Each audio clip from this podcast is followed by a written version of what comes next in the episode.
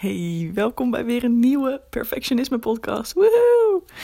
En het thema van vandaag is uitstelperfectionisme. En ik moet een klein beetje grinniken in mezelf als ik dat vertel.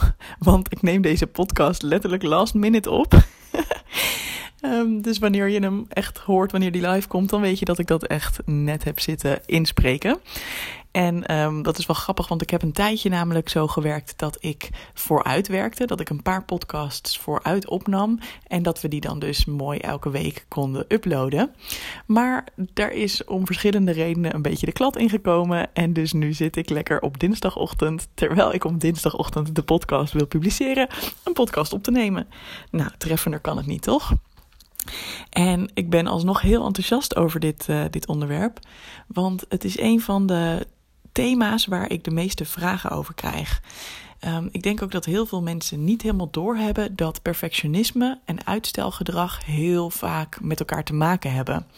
Want het beeld dat veel mensen traditioneel hebben van perfectionisten is dat zij altijd alles op orde hebben en dat er nooit een keer iets uh, fout gaat. Want je hoort het woord perfect in de titel van perfectionisme.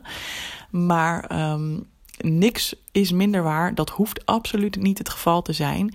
Um, ik zie juist heel veel perfectionisten worstelen met het idee dat ze dingen zo goed moeten doen. En dat ze dingen zo graag um, ja, op, op een bepaalde standaard willen afleveren. Um, dat zij dingen heel groot maken. En dat ze daardoor niet altijd direct lekker beginnen aan een taak.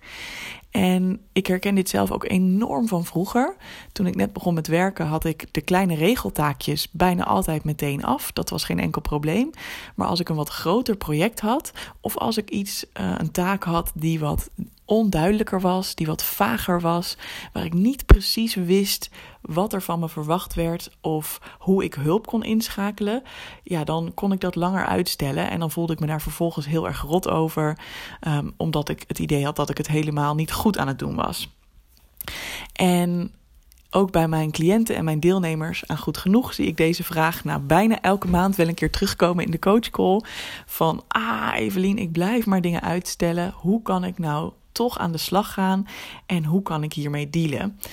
Um, en ik vond het zelf ook recent wel weer heel tof om te merken, of nou ja, tof, eigenlijk was het gewoon best wel kut, maar achteraf vind ik het dan tof, omdat ik dan zie, oh ja, dit gebeurde bij mij dan ook weer.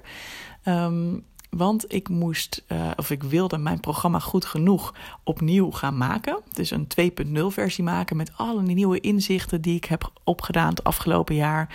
En alle nieuwe dingen waarvan ik zie, oh, daar blijven mensen tegenaan lopen. Dat wilde ik allemaal verwerken in het programma.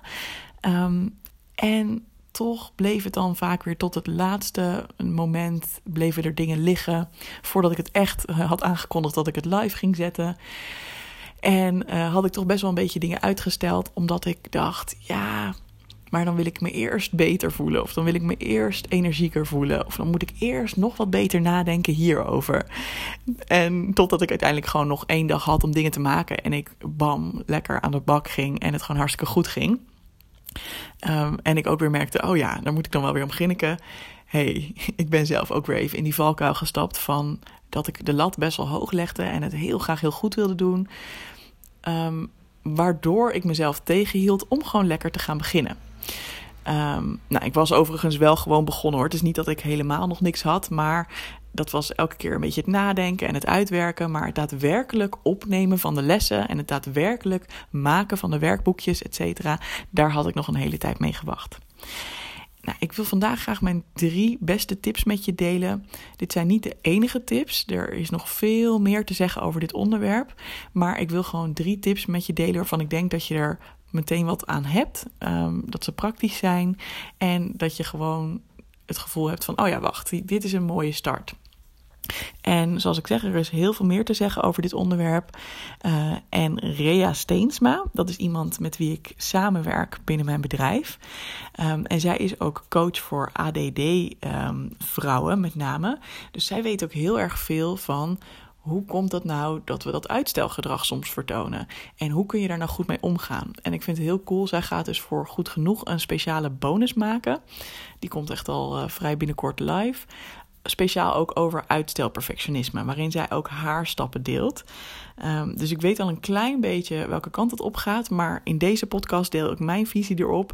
En ik denk dat als je meedoet aan goed genoeg, dat die twee dingen samen echt een mooie, ja, mooie kickstart kunnen geven om hiermee om te gaan. En mijn eerste tip is om eens bij jezelf te checken. Als jij dus merkt, hé, hey, ik zit in zo'n uitstelpatroon of ik heb er last van om dan eens te checken wat zijn jouw gedachten over jouzelf dat jij dit aan het uitstellen bent. Want wat heel veel perfectionisten doen, is dat ze daar niet per se neutraal naar kijken, maar dat je dat heel erg van jezelf veroordeelt. dus dat je denkt: oh mijn god, ik zit weer helemaal niks te doen. Ik ben weer ontzettend lamlendig uh, afleiding aan het zoeken op social media of op Netflix. En dat je gewoon ontzettend van jezelf baalt. En dat, wat ik altijd noem, je kritische rechter, hè, dus dat negatieve stemmetje in je hoofd, ontzettend harde oordelen heeft over het feit dat jij maar niet begint. En wat dat namelijk voor gevolg heeft als jij dit blijft doen en jezelf blijft veroordelen, dat is dat het eigenlijk alleen maar erger wordt. Want dan zit je dus in een bui waarin je blijkbaar even niet zo goed weet wat je met jezelf aan moet of wat je met een taak aan moet. Ehm, vervolgens merk je dat op bij jezelf en veroordeel je jezelf omdat je dat doet. En voel je je alleen nog maar rotter eigenlijk. En is de kans alleen nog maar groter dat je nog dieper gaat duiken in dat afleidende gedrag. Om maar niet te hoeven voelen dat je eigenlijk baalt van jezelf. En dat je eigenlijk gewoon een beetje je kop in het zand aan het steken bent. Dus als jij bij jezelf merkt: hé, hey, wacht eens even, ik zou nu eigenlijk dit moeten doen, maar um, hè, ik, ik ben er niet mee bezig. Ik ben eigenlijk gewoon met hele andere dingen bezig. Stop met het oordeel. En in plaats van dat oordeel kun je jezelf altijd de vraag stellen: hey, wat heb ik nu eigenlijk echt nodig? En dat vind ik sowieso echt een gouden vraag die je veel meer aan jezelf mag gaan stellen als je last hebt van perfectionisme. Want het kan heel goed zijn dat er ik, ik, ik zie even twee scenario's voor me. Het kan heel goed zijn dat je rust nodig hebt. Dus dat het bijvoorbeeld zo is dat je eigenlijk had bedacht dat je allemaal nuttige dingen moest gaan doen, maar dat je hartstikke moe bent. Of dat je gewoon een lange dag hebt gehad. Of gewoon echt daadwerkelijk kan voelen in je lijf: ja, ik moet ook gewoon even rust hebben. Dus dan kan jouw hoofd wel vinden dat jij nuttige dingen moet doen, maar dan, kan je, dan, dan voelt jouw lijf in dat geval dat er iets anders nodig is. En dan voelt het als uitstelgedrag, terwijl je eigenlijk gewoon daadwerkelijk aan het toegeven bent aan jouw gevoel van: ik heb rust nodig. Dus dat kan het ene scenario zijn. Het andere scenario kan zijn dat je wel degelijk gewoon energie hebt of een deadline, hè, waardoor het gewoon even nodig is om iets te doen. Uh, en dat je alsnog in uh, uitstelgedrag vervalt, omdat jij bijvoorbeeld niet helemaal weet wat er nodig is, of niet helemaal weet hoe groot de taak is, of nou ja, er gebeurt iets waardoor jij er niet aan begint. En in dat geval is het nodig om gewoon te gaan starten. Dus stap 1 is niet veroordelen dat je in het uitstelgedrag zit, maar even checken wat is hier eigenlijk echt aan de hand en wat heb ik eigenlijk echt nodig. Is het rust? Geef jezelf dan ook echt de toestemming om lekker te gaan doen wat je wil. En ehm, wat ik daarmee bedoel is dat we vaak dan in een soort van lamlendigheid, tenminste dat heb ik wel eens, in een soort van lamlendigheid vervallen en dan maar bijvoorbeeld YouTube-video's gaan kijken, want die vergen het minste inspanning prima als dat iets is waar je echt blij van wordt. Dus no judgment. Ik heb gisteravond nog heerlijk zitten YouTube bingen. En dat, en dat was oké, want dat was een bewuste keuze toen ik voelde van... oh ja, ik heb zin om gewoon even lekker wat laagdrempeligs te kijken. Maar geef jezelf heel bewust dan de toestemming om echt te gaan genieten van hetgene wat je doet. Zodat je niet in een soort van... ja, uitstelgedrag vervalt waar je eigenlijk niet helemaal blij van wordt. Want dat is natuurlijk zonde. Dan kan je beter iets gaan doen wat je echt fijn vindt. Dus hè, als je rust nodig hebt, ga je dat doen. Toestemming geven en iets doen waar je, wat je echt wil en wat je echt nodig hebt. En voel je van nee, dit is daadwerkelijk uitstelgedrag. Dan ga je verder naar stap 2. En dat is oké.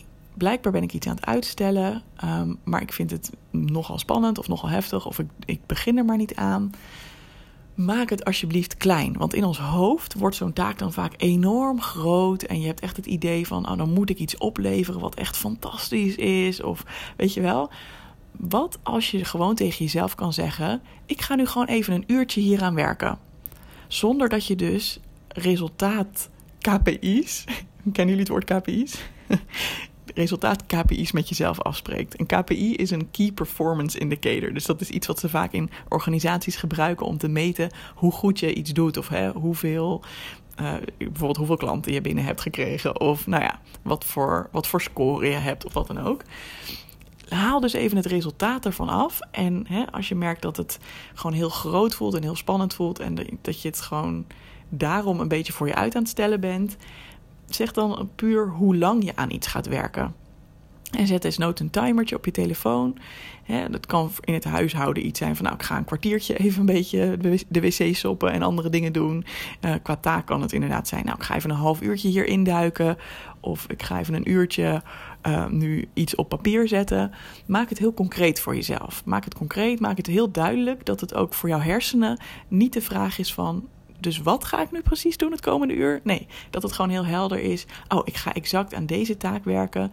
En daarvoor ga ik bijvoorbeeld iemand bellen of ga ik iets opschrijven of ga ik een presentatie maken. Weet je, als maak het heel klein, maak het heel concreet en laat het resultaat even los en focus gewoon puur even op de inspanning die jij het komende uur of kwartier of drie uur kan leveren. Kijk wel uit dat je niet meteen naar drie uur gaat, want dat is meteen, hè, dat is wel meteen next level commitment ik zou max even op een uurtje houden. Zeker als je hier in het begin veel last van hebt. Zodat je niet weer de neiging hebt om na een half uur af te haken en te denken: laat maar. Dus maak het ook heel haalbaar. En dan hebben we nog stap 3. En dat is meteen de stap die wat dieper gaat. En dat is echt van: oké, dit zijn twee praktische tips die je in het moment zelf kan doen. Maar waar komt eigenlijk dat perfectionisme vandaan? Waar komt eigenlijk dat uitstelgedrag vandaan? Dus wat je kan doen is bij jezelf gaan observeren welke overtuigingen heb ik eigenlijk in mijn hoofd die mij in de weg zitten om te beginnen. En vaak zijn dat vergelijkbare dingen bij veel perfectionisten. Dus het kan bijvoorbeeld zijn dat je denkt: oh mijn god, deze taak is heel belangrijk en ik moet dat dus wel in één keer goed doen en ik mag geen fouten maken.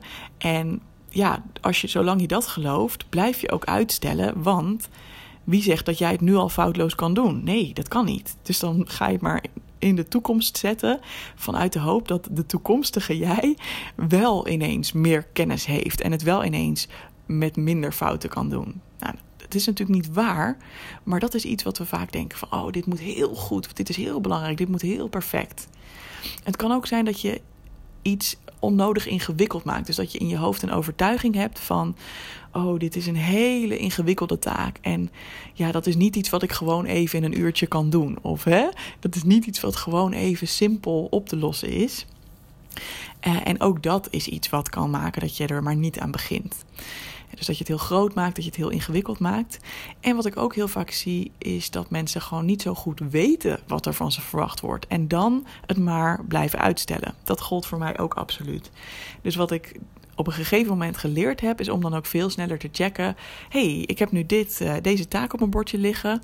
Um, en dan met een collega of een leidinggevende of iemand met wie jij bijvoorbeeld die taak hebt afgesproken te zullen doen. Heel helder zegt: Oké, uh, op welk punt zullen we dan wat doen? Eigenlijk is dit even een soort van smokkel bonus tip. Namelijk om het proces heel helder af te spreken. Van wanneer je welk stapje zal opleveren. Hoe dat eruit ziet. Wanneer je feedback vraagt aan de ander. Zodat het ook voor jou niet voelt als...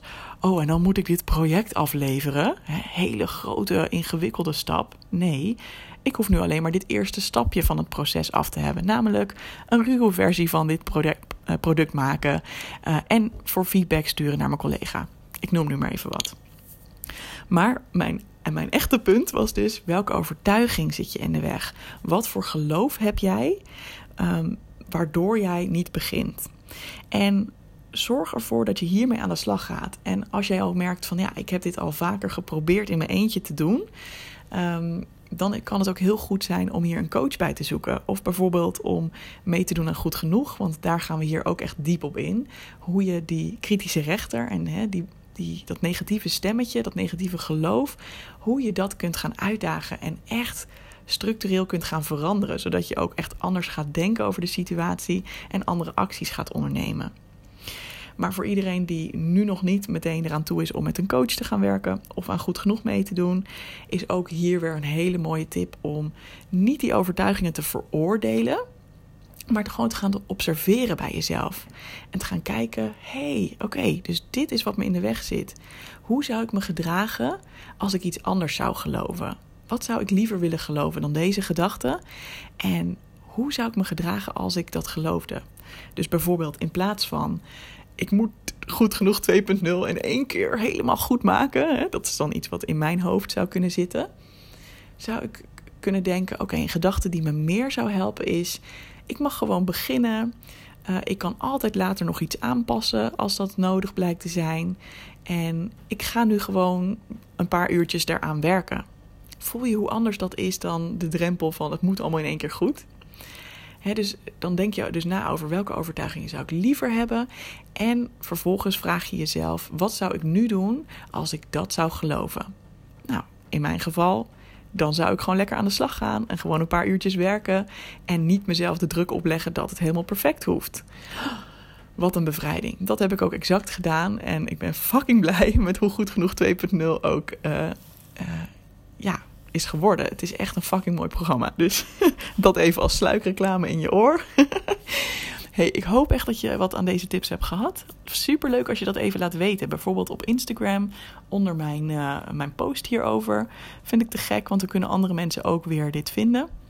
En als je ergens deze podcast luistert waar je kunt abonneren, dan is dat ook helemaal tof. Want hè, liken, abonneren, um, vijf sterren geven, reviews uh, achterlaten, dat zijn allemaal dingen die je kan doen om te zorgen dat deze podcast verder verspreid wordt en dat meer mensen hier uh, wat aan kunnen hebben. Dus super lief als je daar even de tijd voor wil nemen. Hey, ik wens je een hele fijne dag en heel graag tot de volgende podcast.